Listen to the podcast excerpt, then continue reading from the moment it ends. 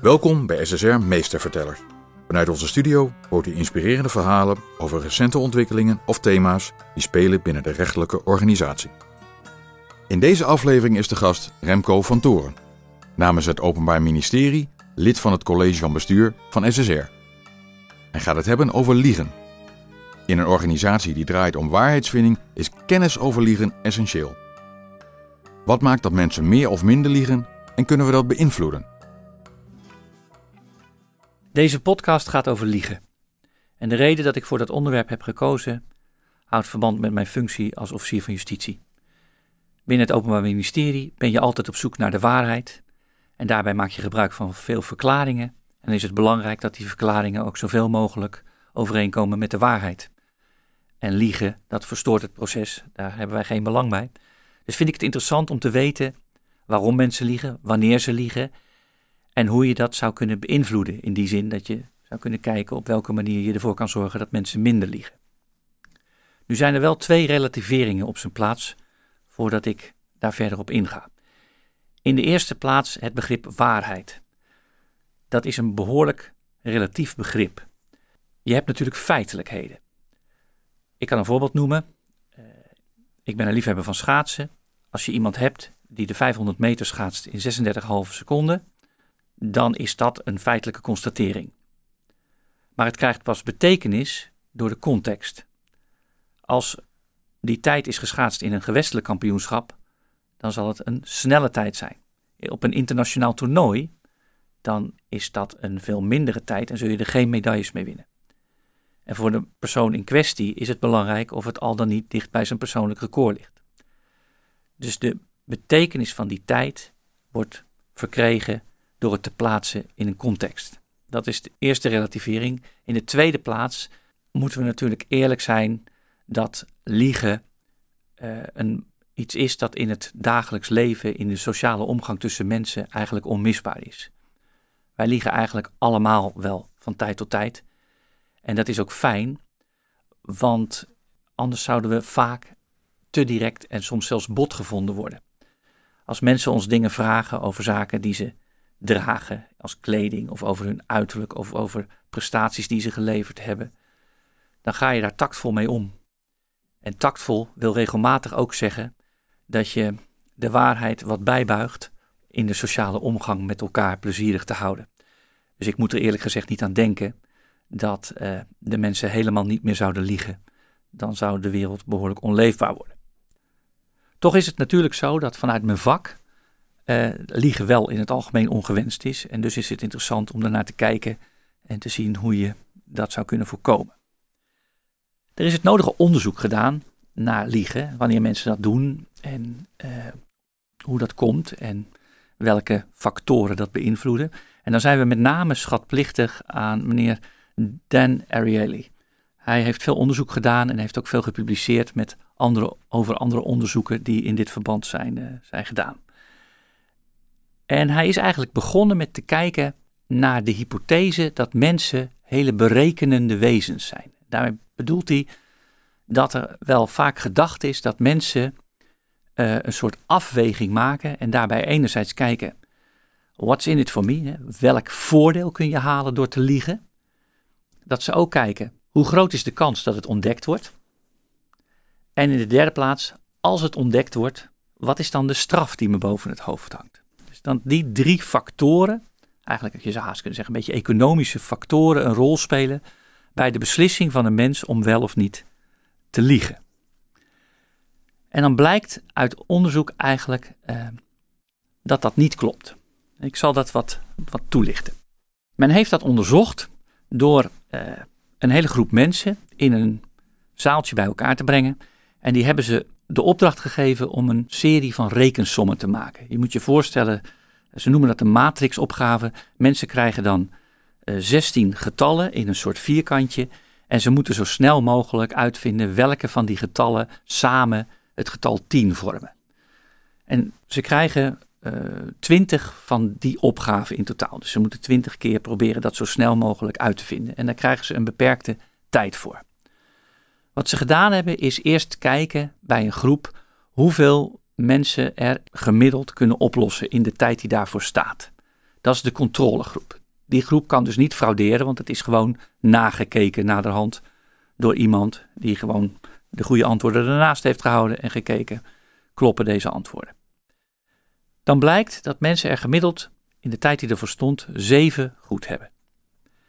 En vervolgens zijn ze allerlei zaken aan dat experiment gaan veranderen om te zien ja, of dat leidde tot oneerlijk gedrag en welke verandering dan precies leidde tot oneerlijk gedrag. En in de eerste plaats hebben ze mensen de kans gegeven om zelf te rapporteren. Dus wat ze gedaan hebben, mensen weer in die zaal diezelfde opgave laten maken en gezegd, nou, na de hand moet je het zelf even nakijken en je moet zelf even aangeven hoeveel je er goed had. En dan mag je ook per goed antwoord mag je 1 dollar pakken. En die 1 dollar die mogen ze dan zelf van een schaal pakken. Die mensen die weten dan dus dat, uh, dat ze niet gepakt zullen worden als ze, ja, als ze overdrijven. Als ze zeggen dat ze meer uh, opgaven goed hadden dan ze eigenlijk goed gemaakt hadden. Want ze mogen na afloop dat hun opgave door de versnipperaar doen. Dus dat ook heel feitelijk, dat ze kunnen zien dat niemand er na de hand nog naar kan kijken. Nou, als je het op die manier doet, dan blijkt dat uh, de mensen uh, ja, eigenlijk in grote getalen oneerlijk gedrag gaan vertonen. Gemiddeld rapporteerden mensen in dat onderzoek dat ze er 12 goed hadden. Dat is best een flinke overdrijving. Aan de andere kant, er was niemand die zei dat hij ze alle 20 goed had. Wat wel gekund had, want niemand kon het controleren. En je mocht het gewoon versnipperen. En dat had je ook het maximale opgeleverd, namelijk 20 dollar. Maar dat heeft eigenlijk niemand gedaan. Mensen overdrijven dan wel, maar niet tot het maximum. Nou, en vervolgens zijn ze aan die variabelen gaan, gaan draaien. En bijvoorbeeld hebben ze de beloning vergroot. Dus ze hebben gezegd: je krijgt 2 dollar voor een goed antwoord. Of zelfs 10 dollar voor een goed antwoord. En wat dan blijkt is dat dat eigenlijk geen effect heeft op wat mensen rapporteren. Dus mensen gaan dan niet, omdat ze denken, nou kan er meer mee verdienen, uh, van die 12 naar 14 goede antwoorden. Omdat ze denken, nou dan uh, levert het nog meer op. Eigenlijk heeft de beloning heeft dan geen aantoonbaar effect. Het is zelfs zo dat als de beloning erg groot wordt, dat het uh, bedriegelijke gedrag iets terugloopt. Misschien omdat mensen zich dan toch ongemakkelijk beginnen te voelen. Zeggen, nou, ja, ik heel veel voor een goed antwoord. En ja, kan ik het dan wel maken om, uh, om zo te overdrijven? Men heeft ook een beetje gevarieerd met de pakkans. En dat is natuurlijk vanuit mijn vak extra interessant, omdat wij vaak denken bij de inzet van het strafrecht dat de pakkans een hele belangrijke factor is. Dat als de pakkans groter wordt, dat mensen dan minder bedrog zullen plegen, dat mensen eerlijker zullen zijn. En dat heeft men bijvoorbeeld gedaan door het toezicht, door daarin te variëren. Door eerst iemand in de zaal te hebben die toekeek als mensen bijvoorbeeld het geld uit uh, de schaal pakten. Dus ze rapporteren hoeveel antwoorden ze goed hadden. Dan mochten ze zelf het bijbehorende bedrag pakken, hè, wat ze dan verdiend hadden. En maakt het dan uit dat daar iemand bij staat die daarnaar kijkt. Of dat daar bijvoorbeeld iemand bij staat waarvan volstrekt duidelijk is dat hij blind is. Ook dat heeft interessante uitkomsten opgeleverd, want die pakkans blijkt ook nauwelijks effect te hebben op hoe mensen zich gedragen. En ook hier uiteindelijk alleen een beetje de andere kant op. Toen de opzichter blind was, nam het bedriegelijke gedrag ook weer iets af. Ook hier lijkt dat ermee te maken te hebben dat mensen zich dan kennelijk toch wat ongemakkelijker voelen en denken, ja, als er dan zo'n opzichter bij staat die eigenlijk helemaal niet kan zien wat ik uit de schaal pak, ja, dan uh, ga ik me kennelijk toch net iets netter gedragen. Nou is het natuurlijk interessant om te constateren dat die pakkans en ook de hoogte van het bedrag dat je krijgt per goed antwoord, dat die eigenlijk niet zoveel uh, invloed hebben op het bedriegelijke gedrag van mensen. Maar wat verklaart dan wel waarom mensen ja, wel overdrijven, maar niet tot het maximum? Nou, de hypothese is, en daar is ook wel ander onderzoek, het voert wat ver om dat nu hier allemaal uh, helemaal uit de doeken te doen, maar er is het nodige bewijs voor dat mensen enerzijds wel uit zijn op profijt, uit zijn op voordeel voor zichzelf, maar tegelijkertijd zichzelf in de spiegel willen kunnen blijven aankijken. Dus mensen zoeken naar een soort balans van, nou, ik wil, ik wil ook best wel wat verdienen. En dat kan van alles zijn. Dat kan geld zijn of status. die beloning kan in allerlei vormen zijn. Maar tegelijkertijd vinden mensen het belangrijk dat ze uh, het voor zichzelf nog kunnen uitleggen dat ze dit doen. Maar het gaat er dus om wat kunnen we voor onszelf verantwoorden. Dat blijkt ook een belangrijke factor, want als we uh, de mogelijkheden voor creatieve uitleg, voor het, het, het vinden van een, een, verklaring voor waarom we uh, de boel bedonderen, als we dat makkelijker maken, dan neemt bedriegelijk gedrag toe. Dus er zijn onderzoeken waar blijkt dat als je mensen uh, dit soort opgaven laat doen in een hele creatieve ruimte, dan bedriegen ze iets meer dan wanneer ze dat doen in een hele kale ruimte. En dat de verklaring daarvoor zou zijn dat als mensen in een creatieve ruimte zijn, dat ze meer getriggerd worden om voor zichzelf redenen te vinden waarom ze ja, toch wel eentje extra kunnen overdrijven. Daar zit wel een factor. Ik wil nu in deze podcast nog iets specifieker ingaan op factoren die een rol spelen in een groep. Ik vind dat extra interessant, omdat mensen individueel erg kunnen verschillen. Maar binnen organisaties kan het interessant zijn om te weten op welke manier beïnvloeding in een groep plaatsvindt. En eh, mogelijk kun je daar dan ook je voordeel mee doen en op die manier eerlijk gedrag bevorderen. Daarvoor is ook weer in datzelfde kader een interessante eh, variant bedacht met die matrixopgave. Wat ze gedaan hebben is, ze hebben op een, een groep opnieuw die 20 opgaven laten maken. Maar ze hebben binnen die groep één mol geïntroduceerd. Dat weten de mensen niet. Maar daar zit een acteur bij. En die acteur die zegt na één minuut: Ja, ik heb ze alle 20 opgelost. Uh, mag ik nu inleveren en mag ik dan de beloning pakken? En dan zegt de opzichter van dienst: Die zegt: Ja hoor, ga je gang. Daar is de versnipperaar. En uh, pak je beloning maar. Iedereen in die zaal weet dat dat niet kan. Je kunt niet in één minuut die twintig opgaven gedaan hebben. Ze zijn allemaal nog bezig met de eerste of de tweede. En dan is het echt niet denkbaar dat iemand zo snel zoveel opgaven zou hebben afgerond.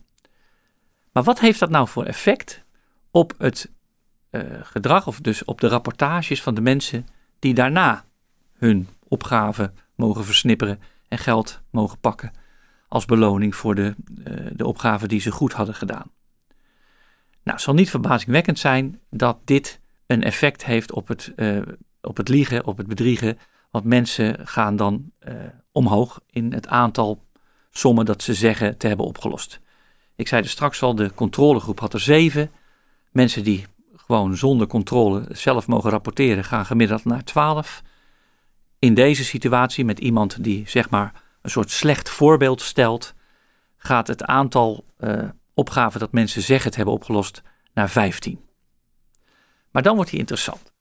Dan is de hypothese dat de reden dat mensen dit doen, is dat die ene persoon eigenlijk de norm voor de groep verandert.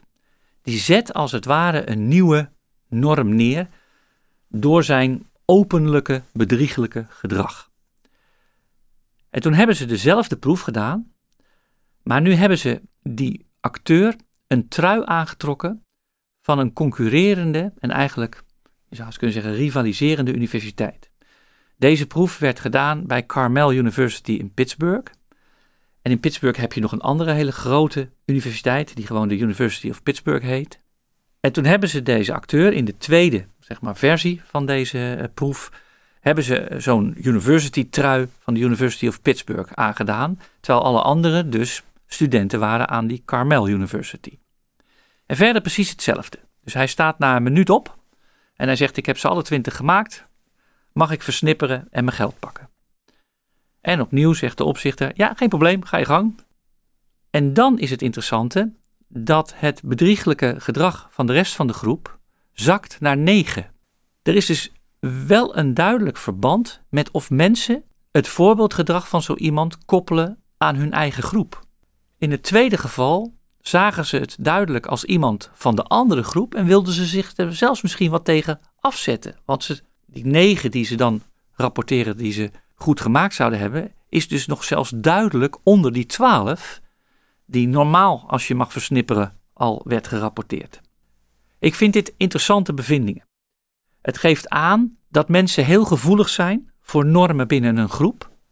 Het geeft ook aan dat mensen dat zowel naar de positieve als naar de negatieve kant toe kunnen bijstellen. Ik zou willen, zonder dat ik hier nou dingen wil aandragen van die je in een organisatie zou kunnen doen om hiermee je voordeel te, uh, te behalen. Maar ik zou wel mooi vinden als binnen het Openbaar Ministerie we meer gebruik maken van dit soort kennis. En dat we weten hoe mensen in dit soort situaties zich gedragen en waar ze door beïnvloed worden. Want dan zouden wij daar, denk ik, zeker ons voordeel mee kunnen doen. Dit was SSR Meestervertellers. Wilt u op de hoogte blijven? Abonneer je dan op onze podcast. Graag tot een volgende keer.